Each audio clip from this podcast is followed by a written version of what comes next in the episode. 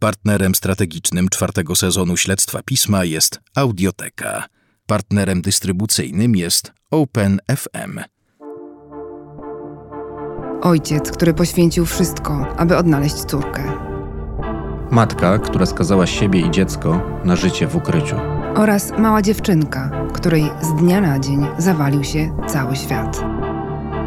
To opowieść o rodzicielskim bólu, o sile mediów społecznościowych. I dylematach, przed którymi nikt nie powinien stawać. O tym, jak łatwo w Polsce przepaść bez śladu i nie zostać odnalezionym. Maria Hawranek, Szymon Opryszek, a to jest śledztwo pisma. Reporterska historia opowiadana tydzień po tygodniu. Odcinek pierwszy. Uprowadzenie. Światło lampek odbija się w tafli wody w basenie. Tańczy na liściach dzikiego wina. W oszklonym salonie kilka osób krząta się wokół długiego, nakrytego białym obrusem stołu. Cała Majorka szykuje się do Sylwestra, którego Hiszpanie zwykle zaczynają od rodzinnej kolacji. O północy udają się na główny plac miasta, by zjeść 12 winogron w rytm bicia zegara.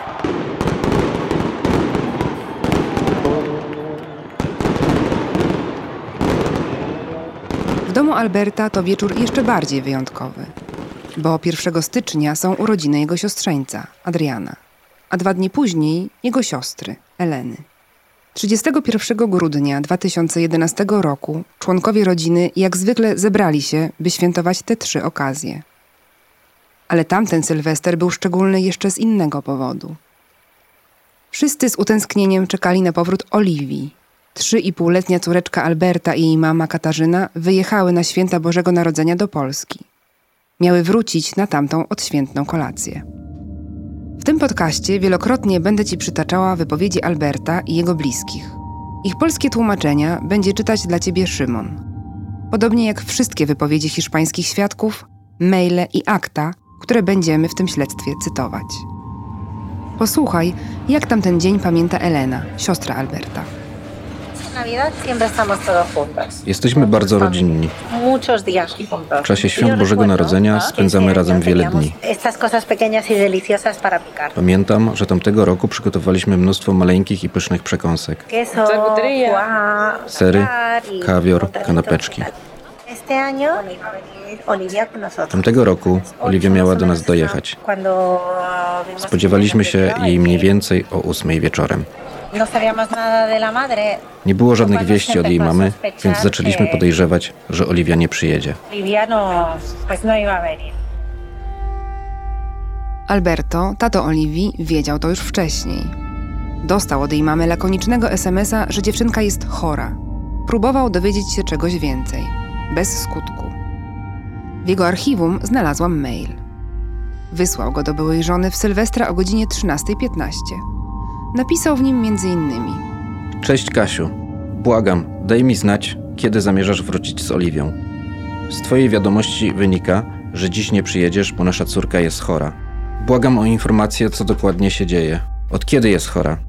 Kiedy rozmawialiśmy ostatnio, 29 grudnia, była w doskonałej formie. W noc sylwestrową zamiast na rynek w Pojęsie, Alberto pojechał z siostrą na posterunek policji.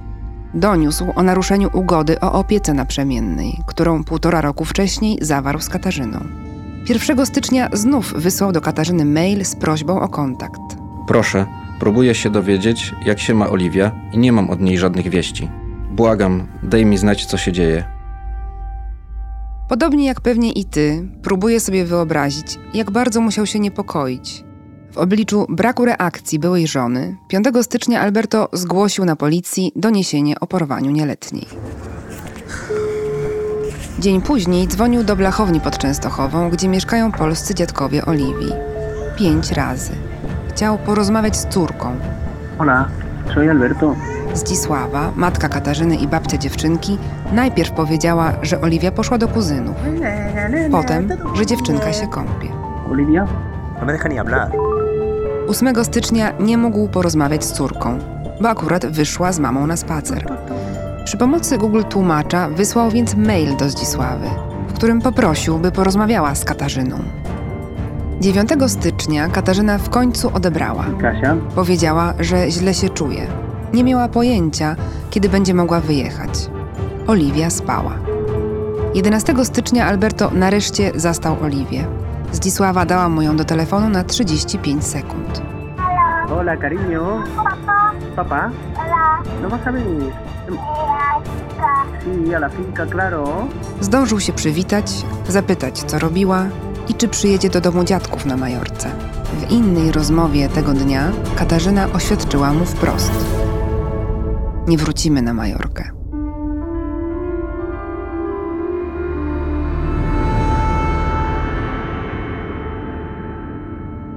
Alberto nie przeczuwał, że właśnie zaczął się nowy, koszmarny rozdział jego życia, który potrwa dłużej niż niejeden mógłby wytrzymać. Był przekonany, że zobaczy Oliwię w ciągu kilku tygodni, najwyżej miesięcy. Nie miał pojęcia, że czeka go kilkadziesiąt podróży do Polski, na które wyda dziesiątki tysięcy euro. I ból, którego nie da się policzyć. Ponownie złożył doniesienie o porwaniu córki, tym razem w sądzie. Był przejęty, ale wierzył, że prawo jest po jego stronie. Myślałem, że to nic poważnego. Następnego dnia rozmawialiśmy z prawniczką i powiedziała nam, że przypuszczała, że to się wydarzy. Tak czuła. Tłumaczyła, że teraz sytuacja prawna się wyklaruje. Za to, że Katarzyna popełniła poważne przestępstwo, mogła stracić wiele praw. Będzie więc musiała jak najszybciej wrócić na wyspę. Dlatego byłem przekonany, że ta sytuacja natychmiast się rozwiąże. A na dodatek adwokatka powiedziała mi, Polska podpisała konwencję haską. Nie przejmuj się. Myślałem, że dwa, może trzy miesiące i będzie po sprawie. Nie byłem zaniepokojony. Myślałem, że Katarzyna wróci szybko, jak tylko zrozumie, w co się pakuje. A jednak ona wiedziała więcej niż my. Wiedziała, że sprawiedliwość jest relatywna. My w nią wierzyliśmy. Myślę, że Katarzyna wszystko miała już przygotowane. Minął miesiąc, a córki nadal nie było. W tym czasie udało mu się kilka razy z nią porozmawiać. Dwa razy po dwie minuty, raz z przerwami niecałe dziesięć. Do rozmowy włączyli się wtedy hiszpański dziadek, wujek i ciocia. Hola. ¿Quién soy? Papá. Ay. Hola, papá. Hola, cariño. ¿Le vas a decir hola al abuelo? Abuelo. Dile hola, papá. Hola. Hola, hola. Ay, Olivia. El abuelo. Hola, Olivia. Luty przyniósł nowe, niespodziewane wiadomości. Na początku miesiąca do Alberta przyszedł list w szarej kopercie, ostemplowany na niebiesko i czerwono. Prioritaire recommandé. Nadawca sąd w Częstochowie. Nie mógł uwierzyć, gdy przeczytał, że jeszcze 29 grudnia Katarzyna złożyła wniosek o sprawowanie władzy rodzicielskiej tylko przez nią.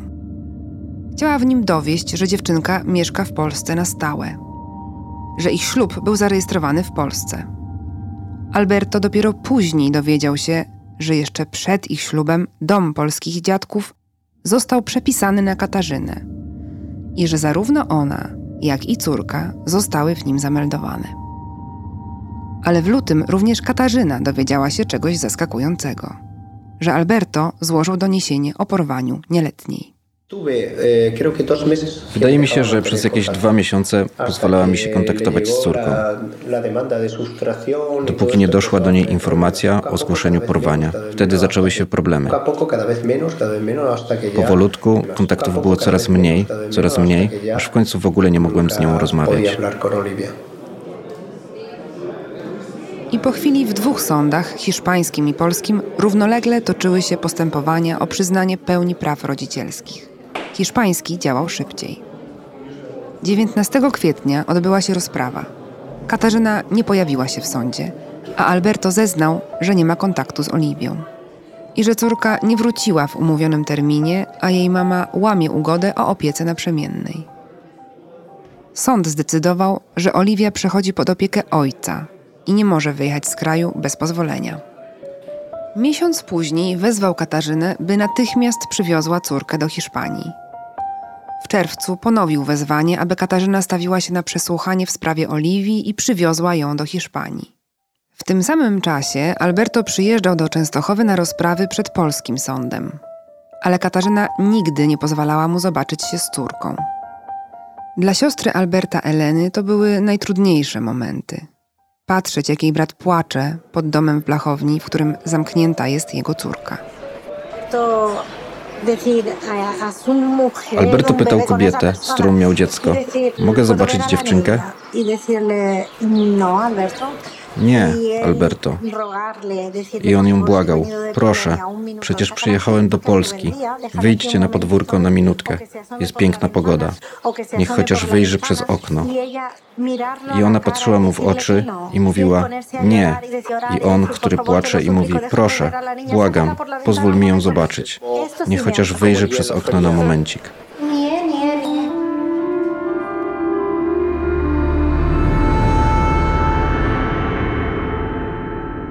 Historię o ojcu, który szuka swojej córki do utraty tchu, po raz pierwszy usłyszeliśmy w marcu 2019 roku. Podróżowaliśmy wtedy po Hiszpanii z naszym małym synkiem. Bo wypadniesz z łóżka. Jeździliśmy starym Mitsubishi Pajero, które przerobiliśmy tak, by móc w nim spać. Jak możesz się domyślić, nie szukaliśmy wtedy tematów do reportażu. Tamten czas zarezerwowaliśmy sobie na nauczenie się bycia w drodze we troje. Wracaj do mamy. Znajoma reporterka podesłała nam tę sprawę, gdy byliśmy w Sewilli. Od ośmiu lat hiszpański ojciec szukał córki porwanej z Majorki do Polski. Pamiętam, jak bardzo nas ta opowieść poruszyła. Jako świeżo upieczeni rodzice czuliśmy, jak silna jest więź łącząca rodzica z dzieckiem. W naszych głowach od razu pojawiły się pytania: dlaczego matka uciekła z córką do Polski? Jeżeli rzeczywiście wyroki sądowe wskazywały, że córka powinna wrócić do ojca, czemu policja nie potrafiła jej odnaleźć? Dlaczego ojciec szukał jej po partyzancku, na własną rękę? Co się wydarzyło? Nie zastanawialiśmy się długo. To była historia, którą musieliśmy zrozumieć. Zostawiliśmy auto na parkingu w Sewilli i wsiedliśmy w samolot do Palma de Mallorca. Pełni ekscytacji i niepokoju. Z jednej strony to miał być nasz pierwszy wspólny reportaż od dawna, z drugiej strony targały nami wątpliwości. Czy damy radę łączyć rolę reporterów i rodziców? Jak pogodzić robienie wywiadu z karmieniem piersią? Czy fakt, że przyjedziemy tam razem z naszym synem, nie będzie dla Alberta trudny?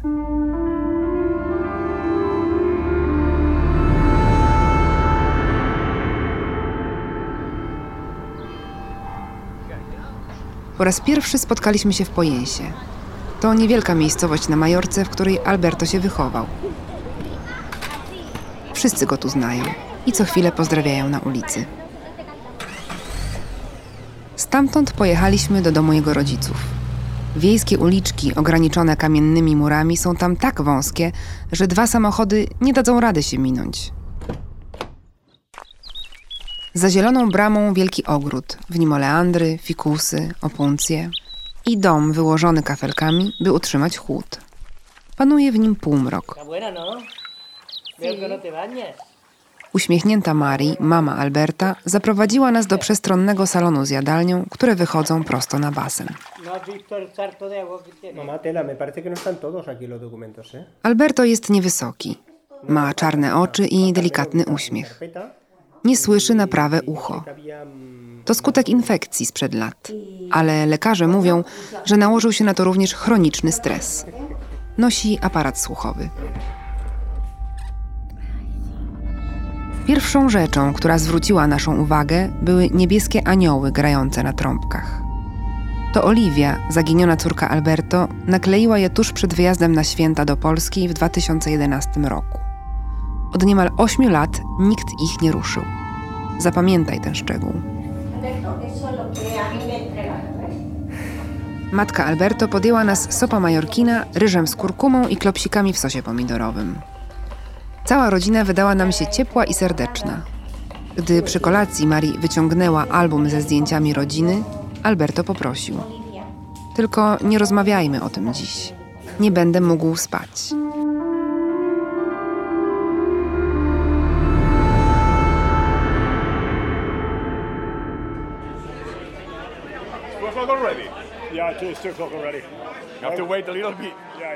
O tym, co się wydarzyło, po raz pierwszy rozmawialiśmy z Alberto następnego dnia w kawiarni w Pojensie.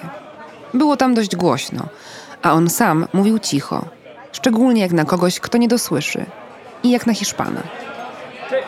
Okazało się, że zrekonstruowanie tego, co i kiedy się wydarzyło, miało nas kosztować sporo pracy. Tak wiele zapomniałem. Całkowicie. Y Pytasz mnie o rzeczy, a ja ciągle próbuję sobie je przypomnieć. Estoy intentando recordar. Jak zaczęła się historia Alberta, Katarzyny i ich córki Oliwii? Katarzyna przyjechała na Majorkę na wakacje w 2000 roku. Z Albertem poznali się przez wspólnych znajomych. Zaprosił ją, by zamieszkała u niego. Bez żadnych zobowiązań. Po znajomości udostępnił jej pokój. Katarzyna mieszkała tam kilka dni. Wróciła do Polski oczarowana Majorką i nowym hiszpańskim przyjacielem. Utrzymywali kontakt. Jakiś czas później przyjechała na Majorkę, by zacząć nowe życie z Albertem. 27-letnia szczupła, wysoka brunetka o dziewczęcej twarzy i 32-letni przystojny brunet o falujących włosach. Alberto znalazł jej pracę w firmie żeglarskiej, w której sam pracował jako mechanik i skipper. Jest człowiekiem wielu zawodów. Od mechanika samochodowego przez asystenta w spektaklach z hipnozą po serwisanta klimatyzacji. Katarzyna ukończyła anglistykę i dobrze mówiła w trzech językach. Bez problemu dostała pracę w biurze. Kiedy przyjechała po raz drugi, narodziło się coś nowego. Nowe życie, entuzjazm. Mieliśmy ochotę robić tyle rzeczy. W końcu kupiliśmy dom. Czasem po pracy Alberto pożyczał łódkę. Brali paeję na wynos i jedli ją na środku morza z widokiem na Kalas, urocze majorkańskie zatoczki. Na jednym ze zdjęć z tamtych czasów, które odnaleźliśmy później, Katarzyna siedzi na dziobie motorówki z dwiema koleżankami z Polski i śmieje się beztrosko. Siostra Alberta, Elena, powiedziała nam później, że byli muy enamorados, bardzo zakochani. Widać to szczególnie na jednym zdjęciu. Siedzą sami przy stoliku, patrzą na siebie i jest jasne, że nie widzą poza sobą świata. Bueno, eh, Na początku ujęła mnie jej sympatyczność. W pewnym sensie to był rodzaj oszustwa. Była zafascynowana nowością. Majorką, wszystkim tutaj. Wydawała się radosna i sympatyczna. Ślub wzięli głównie ze względów formalnych. Polska nie była jeszcze w Unii Europejskiej. Katarzyna nie mogła więc legalnie pracować na Majorce. Alberto ubrał koszulę i szary krawat, Katarzyna sukienkę w kwiaty i fioletowy żakiet. Na zdjęciu w ręce trzyma bukiet margaretek. Wesele było improwizowane, ale z muzyką i tańcami. Wydawało mi się, że to głupstwo, a okazało się piękne. To symboliczny moment. Kiedy cię pytają, a ty musisz odpowiedzieć tak. W tym momencie pojawia się magia. To było bardzo piękne.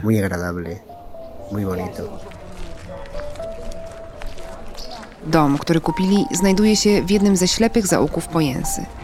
Piętrowy, z kominkiem, małym patio i wyjściem na azoteę, tarasik na dachu. Wnętrze jest pomalowane na biało, a strop ma drewniane belki. Dom był uroczy i drogi. Na miesięczną ratę kredytu szła cała pensja jednego z małżonków. Kiedy Katarzyna zaszła w ciążę, cieszyli się wszyscy w Polsce i w Hiszpanii. 25 kwietnia 2008 roku na świat przyszła bohaterka tej historii Oliwia.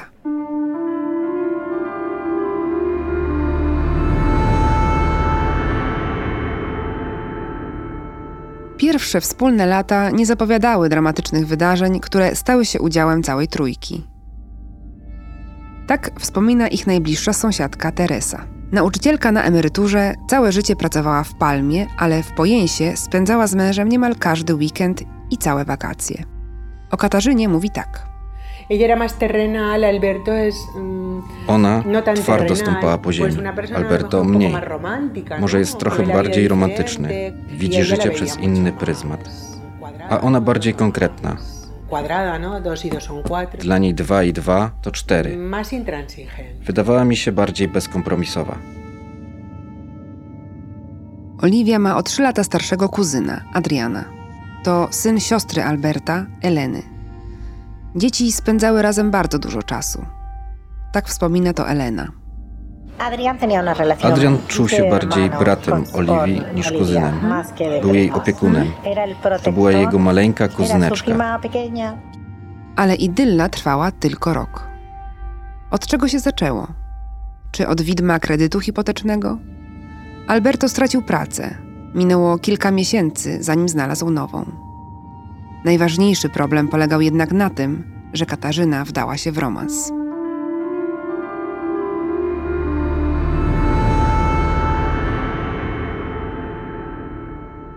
To, co ci teraz opowiem, przypomina latynoską telenowelę. Skup się, bo teraz łatwo się pogubić. Oliver jest Niemcem. Przez lata był partnerem Eleny, siostry Alberta. Ich synem jest Adrian, chłopiec, który tak troskliwie opiekował się małą Oliwią. Latem 2009 roku Oliver i Elena byli w separacji. We wrześniu się rozstali. Oliver na jakiś czas wprowadził się do domu Katarzyny, Alberta i Oliwii. Po kilku tygodniach wdał się w romans z Katarzyną. Alberto był w szoku. Ella tenía necesidades también. Miała potrzeby. Se ponía a tontear con otros hombres. Flirtowała z innymi mężczyznami. Entonces, Ta eh, relacja była skazana na porażkę. Está abocada al fracaso la relación. W tej sytuacji zrezygnował ze wspólnego wyjazdu do Polski.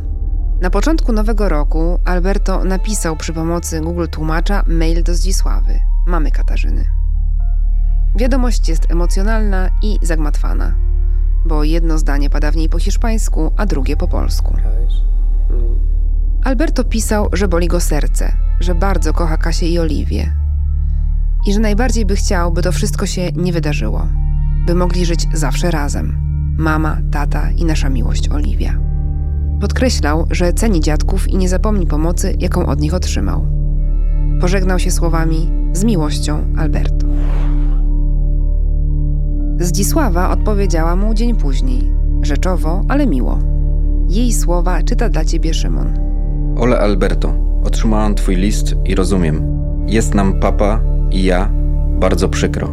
Ale ty i Kasia sami musicie się porozumieć. Pozdrawiam, mama. W kolejne Boże Narodzenie Alberto i Katarzyna byli już w separacji. Mimo to Zdzisława wysłała do niego sympatycznego maila z pytaniem, czy mają już choinkę. Pozdrowili się, Alberto wysłał zdjęcie Oliwii, a babcia podziękowała. Trudno uwierzyć, że niespełna dwa lata po tej wymianie uprzejmości Zdzisława będzie udawać, że nie rozpoznaje głosu byłego zięcia w telefonie. A jeszcze trudniej w to, że trzy lata później Alberto spędzi noc wigilijną na drzewie naprzeciwko jej domu, z lodowatą lornetką w dłoni i nadzieją, że w obiektywie pojawi się jego córeczka. Krótko po tym, jak Alberto odkrył romans, Katarzyna wyprowadziła się z domu. Z początku co kilka dni wymieniali się z Albertem opieką nad Oliwią. Czasem nawet jedli kolację we troje, a potem dziewczynka wracała do domu jednego z nich. Alberto, choć zraniony, liczył na to, że uda im się utrzymać dobre relacje. Dla mnie liczą się piękne chwile w relacji, nawet jeśli ją zakończysz.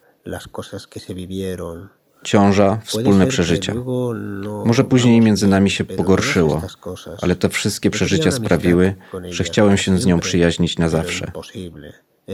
To okazało się niemożliwe.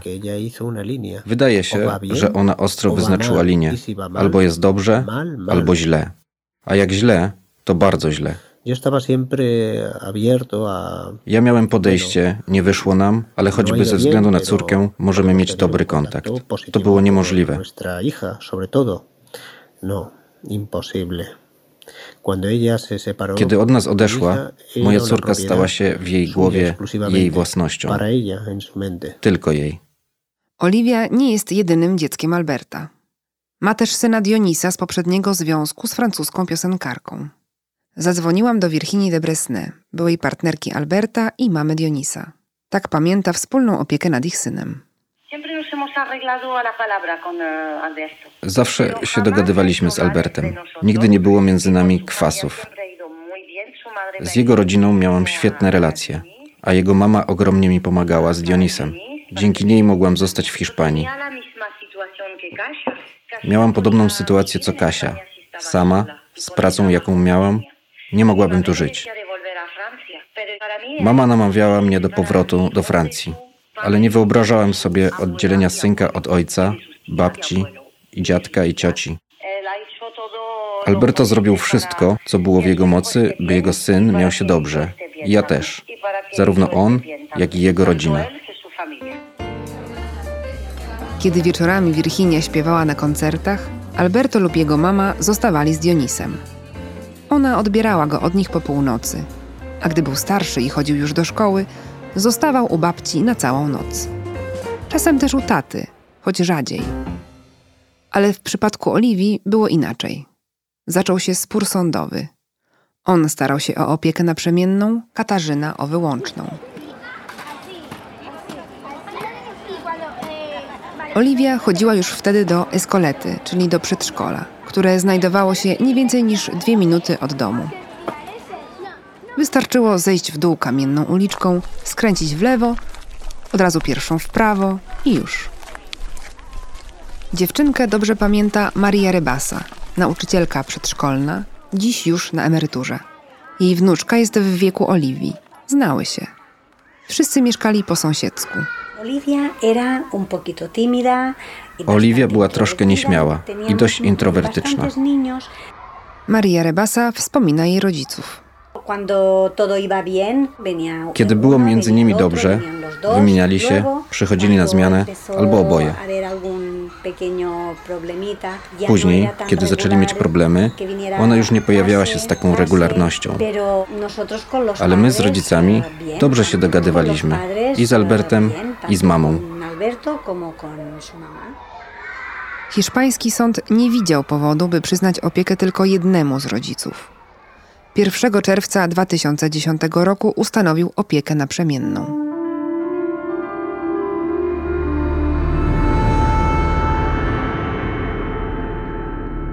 Jak dotąd sprawa może ci się wydać banalna. Od jedna z tysięcy historii o rozwodzie, tyle że rozgrywające się na Balearach. Nie daj się zwieść pozorom. Już niedługo, przez kolejne akcje policyjne, międzynarodowy nakaz aresztowania i działania największego celebryty wśród detektywów, ta opowieść doprowadzi cię na antenę najpopularniejszych polskich programów interwencyjnych. Albo. Czytałam maile, które Katarzyna i Alberto przesyłali sobie, kiedy żyli w separacji. A w nich zdjęcia córki, jakie tylko rodzice ślą między sobą. Córka z bananem, córka śpiąca, córka na spacerze. Zobacz na to zdjęcie. Oliwia jest jakaś krótko przystrzyżona. No, rzeczywiście. Alberto wspominał, że Kasia przycinała jej włosy jakoś specjalnie, żeby zrobić mu na złość. Nie, to mi się wydaje jakieś mało prawdopodobne i takie trochę na siłę. Jaka mama obcinałaby dziecku włosy na złość swojemu facetowi byłemu. Kiedy po raz pierwszy hiszpańska rodzina powiedziała nam, że Katarzyna obcinała jej włosy, by zrobić Alberto na złość, uznaliśmy to za przesadę. Ale z czasem przestało to brzmieć aż tak nieprawdopodobnie. Sytuacja robiła się coraz dziwniejsza. Każde z pary, jaką stworzyli Katarzyna i Oliver, miało po dziecku z jednym z rodzeństwa Albertem lub Eleną. Tak tłumaczy to Elena. Cała ta sytuacja dwóch separacji stworzyła specyficzny trójkąt rodzinny. Mamy dzieci, które muszą zrozumieć, że mama i tata już nie są razem. Że teraz z tatą jest ciocia, ale zrozumieli to dobrze. Staraliśmy się znormalizować tę sytuację na tyle, na ile to było możliwe. Myślę, że dzieci też przyjęły ją za normalną, choć oczywiście czasem zadawały pytania. Kiedy Oliwia była z Albertem, była też z Adrianem. Ale kiedy była ze swoją mamą, brali Oliwię i zamykali ją w pokoju.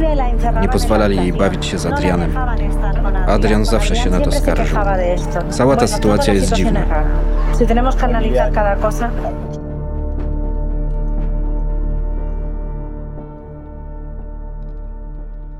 Aż w pewien sierpniowy piątek, kilka miesięcy po separacji, Katarzyna pojechała na posterunek Guardia Civil. To jedna z hiszpańskich służb bezpieczeństwa. Złożyła doniesienie o przemocy. Co Katarzyna powiedziała na posterunku? Posłuchaj fragmentów zawiadomienia, które czyta dla ciebie lektorka. Dziś o 10 rano, kiedy pojechałam odebrać córkę, zauważyłam, że ma oparzone stopy. Gdy spytałam, co się stało, mój mąż, z którym jestem w trakcie rozwodu, powiedział: Mam cię dość, dopadnę cię. A potem, kiedy wkładałam córkę do samochodu, popchnął mnie brutalnie i nie pozwolił wejść do samochodu. Wszystko to w bardzo agresywnym tonie. Mundurowy dopytywał, czy coś podobnego wydarzyło się wcześniej. Wiele razy mówił, że mnie dopadnie. Wszystko z powodu wniosku o rozwód. Kiedy jesteśmy sami, obraża mnie, nazywa zdzirą. Nie zwracałam na to uwagi, ale dziś był bardzo agresywny. Funkcjonariusz chciał wiedzieć, czy ucierpiała z powodu agresji fizycznej. Nie, tylko popchnięcie, ale dziś był bardzo brutalny i naprawdę się przestraszyłam. I dopytywał, czy obawiała się o swoje zdrowie. Normalnie jest spokojny, ale kiedy zostajemy sami, staje się agresywny. Nawet doszedł do tego, że powiedział, że nigdy mnie nie skrzywdził, ale to rozważa. I to wszystko z powodu rozwodu. Dziś to popchnięcie naprawdę mnie przestraszyło. Na koniec zapytał wprost: Czy Katarzyna myśli, że agresor może ją skrzywdzić? Nie wiem, nigdy mnie nie uderzył, ale dziś bardzo się bałam.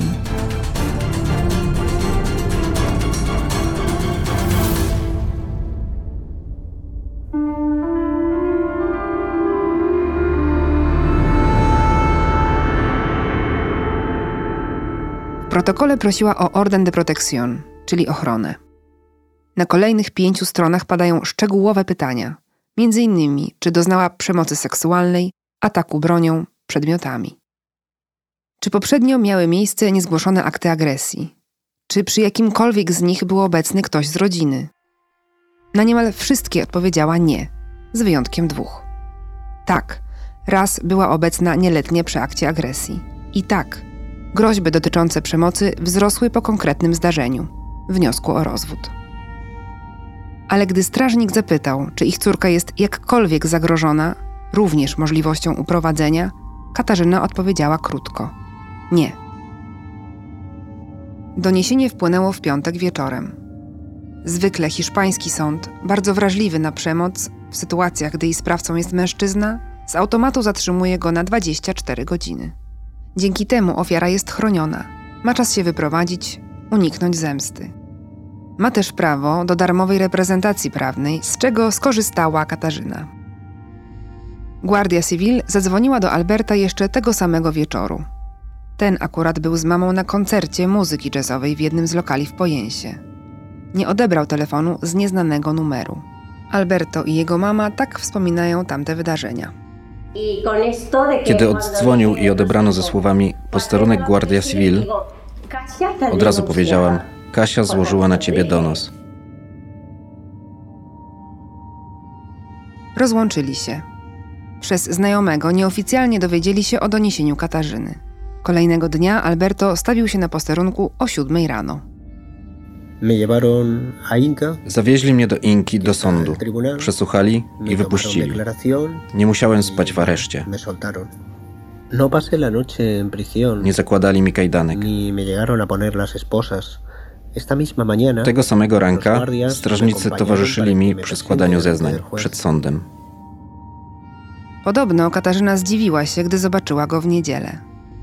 Być może spodziewała się, że zostanie zatrzymany na cały weekend. Tak czasem bywa w sytuacjach, gdy donos złoży się w piątek, a w sobotę jest tyle spraw, że sędzia nie zdąży przesłuchać zatrzymanego. Mogła też mieć poczucie, że miejscowa Guardia Civil wyjątkowo sprzyja jej byłemu partnerowi, którego wszyscy tutaj znają. Wiele lat później Katarzyna powiedziała w programie telewizyjnym Elżbiety Jaworowicz. Był oskarżony o przemoc domową. Doszło do rękoczynów, z tym, że nie było na to świadków i został zwolniony z zarzutów. Rozprawa miała miejsce tydzień później w sądzie w Palma de Mallorca. Ten czas Oliwia spędziła jak zwykle. Trochę u mamy, trochę u taty. W sądzie zeznawali oboje. Alberto był przerażony. Powiedziała, że ją obraziłem. Używała słów, których ja nigdy nie używam. Na przykład zorra, zdzira. Tego słowa nie wypowiedziałem nigdy do nikogo. Katarzyna zeznała, że chce pełnej opieki nad dzieckiem i że obawia się o swoje życie, bo Alberto jej grozi. Mówiąc to, płakała. On jest Hiszpanem i ja przed sądem hiszpańskim jestem nikim jako Polka. Doszło do rozmowy, że to już jest koniec między nami. On powiedział, że tego nie uznaje. Pakował się do mnie do łóżka. Sąd jej nie uwierzył. Uznał, że nie doszło do przemocy. Wysłuchał obu stron i wydał wyrok na korzyść Alberta.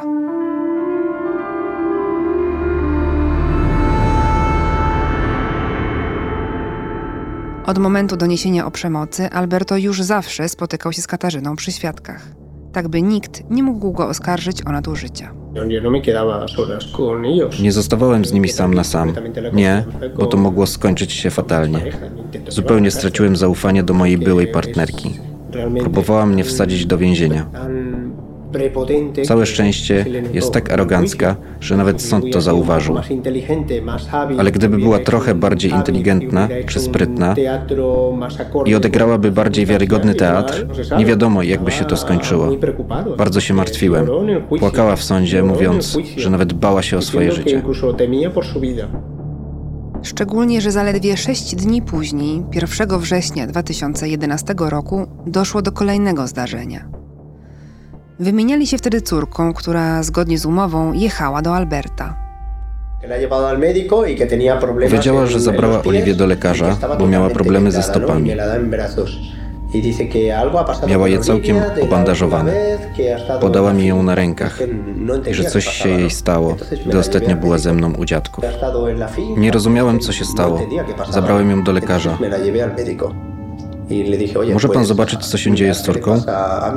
Lekarz odwinął bandaże i pod nimi nie było nic. Miała leciutko zaróżowione paluszki u stóp. Katarzyna twierdziła, że są poparzone. Oliwia zawsze biegała tu wokół basenu. Myślę, że pewnie od tego się jej zaróżowiły. Ale to nie było coś, co nie pozwoliłoby jej chodzić. Ta reakcja była przesadzona. Później w sądzie chciała to przedstawić jako dowód, że źle opiekowałem się Oliwią. Zwróciło to moją uwagę.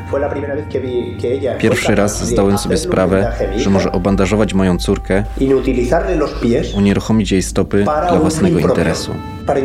Aby dowieść, że Oliwia była zaniedbana, że musiała zabrać ją do lekarza, bo ojciec pozwolił, by poparzyła sobie stopy. Rozumiesz? Prywatne archiwum Alberta dotyczące zaginięcia Oliwii zajmuje plastikowe pudło tak ciężkie, że nie sposób go podnieść. Wielką torbę na zakupy i zieloną skrzynkę. Znalazłam w nim świadectwo tamtej wizyty i opis. Delikatne zmiany skórne na palcach u stóp w formie lekkiego otarcia sprzed kilku dni. Nie obserwuje się żadnej rany na którejkolwiek ze stóp. Diagnoza kontrola dziecka zdrowego. Zbliżały się feralne święta Bożego Narodzenia 2011 roku. Te same, o których opowiedziałam Ci na początku odcinka. Zwykle Alberto, Katarzyna i Oliwia spędzali je na Majorce. Raz przylecieli nawet polscy dziadkowie. Ale tym razem Katarzyna chciała je spędzić z córką w Polsce. Za radą adwokatki 20 grudnia sporządzili umowę w kancelarii w Palma de Mallorca. Dwa podpisy. Litery Kasi są okrągłe, jakby się najadły. Alberta jak cięcia nożem. Mówię ci o tym, bo różnica w podpisach będzie miała później duże znaczenie. Dokument potwierdza, że strony są w trakcie rozwodu i umawiają się na wyjazd Katarzyny z córką w wyznaczonych datach. Katarzyna wyjeżdża w dniach należących do Alberta, które odda mu po powrocie. Załącznikiem są bilety. Powrotny przypada na 31 grudnia na godzinę 19.10. Katarzyna zobowiązała się, że o 20.45 doprowadzi dziewczynkę do domu hiszpańskich dziadków, gdzie wszyscy czekali już z uroczystą kolacją.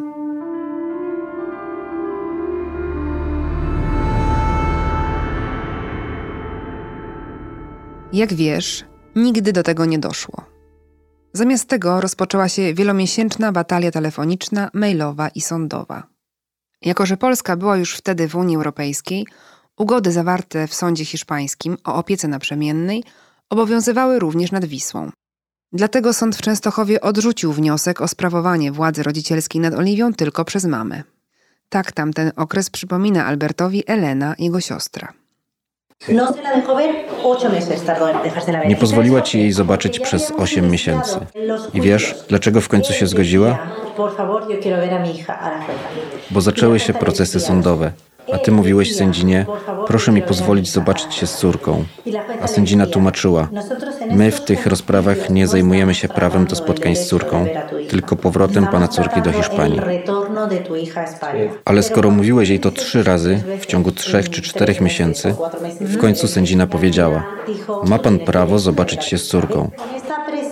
Ta presja połączona z presją adwokatki, by Katarzyna umożliwiła spotkanie z Oliwią, poskutkowały i pozwolono nam zobaczyć dziewczynkę.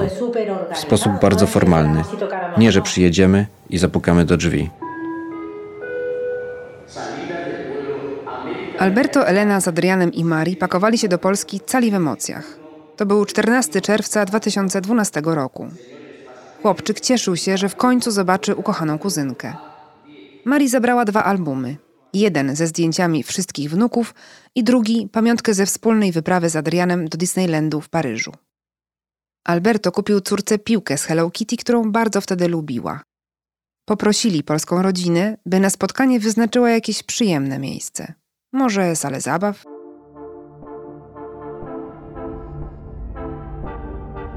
Przylecieli do Krakowa podekscytowani spotkaniem. Do kolacji w restauracji na ulicy Sławkowskiej dorośli zamówili po lampce Montepulciano, a na koniec dwa espresso. Mieli świadomość, że tym razem jeszcze nie wyjadą z dziewczynką, ale nie mogli się doczekać, aż w końcu ją uściskają. Wierzyli, że ich koszmar niebawem się skończy. Wierzyła w to również Mari, hiszpańska babcia Oliwii. Kiedy weszliśmy do baru, kelnerki wskazały nam salonik, który przypominał mi pomieszczenie dla mafii. Powiedziały, że mamy tutaj poczekać. Później przyszła babcia i powiedziała, że aby zobaczyć Oliwię, musimy jej oddać telefony i aparaty fotograficzne. Alberto był rozgoryczony. Co mogliśmy uczynić aparatem, robiąc zdjęcie Oliwii albo filmik? Jaką szkodę mogliśmy wyrządzić? Wszystkim Hiszpanom bar wydał się ponury. Elena ucieszyła się, że była z nimi ich adwokatka, bo inaczej zapewne pomyślałaby, że przesadzają, relacjonując przebieg spotkania. Całe miesiące zabiegaliśmy o to, by zobaczyć dziewczynkę. Zawsze prosiliśmy o jakieś miłe miejsce dla dzieci, salę zabaw, coś w tym guście, żeby było przyjemnie. Ostatecznie wybrali zimną, zamkniętą salę, w której nie było się jak ruszyć. Ale my przyjechaliśmy z kuzynem i od razu zaczęli się bawić. Bardzo za sobą tęsknili. Bardzo się kochali. Mari wyciągnęła z torby albumy ze zdjęciami. Oliwia najpierw zaczęła oglądać ten z wyjazdu do Disneylandu.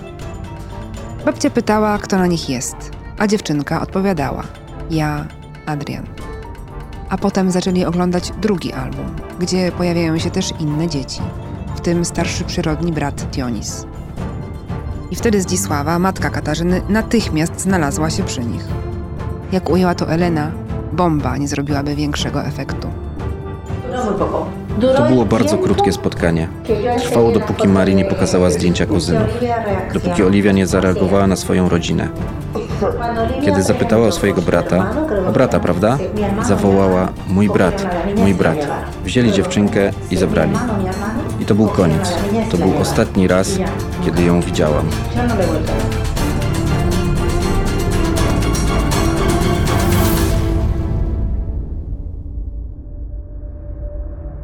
Elena myliła się, gdy to powiedziała.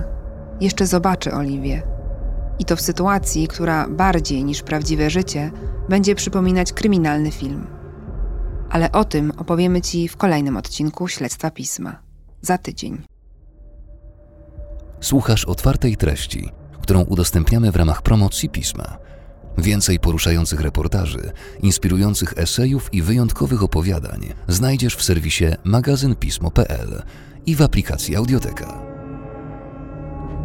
Śledztwo Pisma. Pierwszy polski reporterski serial podcastowy wyprodukowała Fundacja Pismo, wydawca miesięcznika Pismo Magazyn Opinii. Partnerem strategicznym czwartego sezonu Śledztwa Pisma jest Audioteka. Partnerem dystrybucyjnym jest Open FM. Czwarty sezon prowadzą Maria Hawranek i Szymon Opryszek. Producentami są Piotr Nesterowicz i Barbara Sowa. Weryfikacja tekstów Marcin Czajkowski. Tłumaczenie Juan M. Sarabia Gutierrez. Grafika Mikita Rosolka. Muzyka Wojtek Wierzba. Lektorzy Alicja Dec i Grzegorz Szponder. Konsultacje i montaż Agnieszka Szwajgier, Sounds and Stories. Realizacja dźwięku Wojciech Lubertowicz. Nagrań dokonano w studiu Produkcja podcastów. Materiał powstał przy wsparciu programu dziennikarstwa śledczego Fundacji Gazety Wyborczej.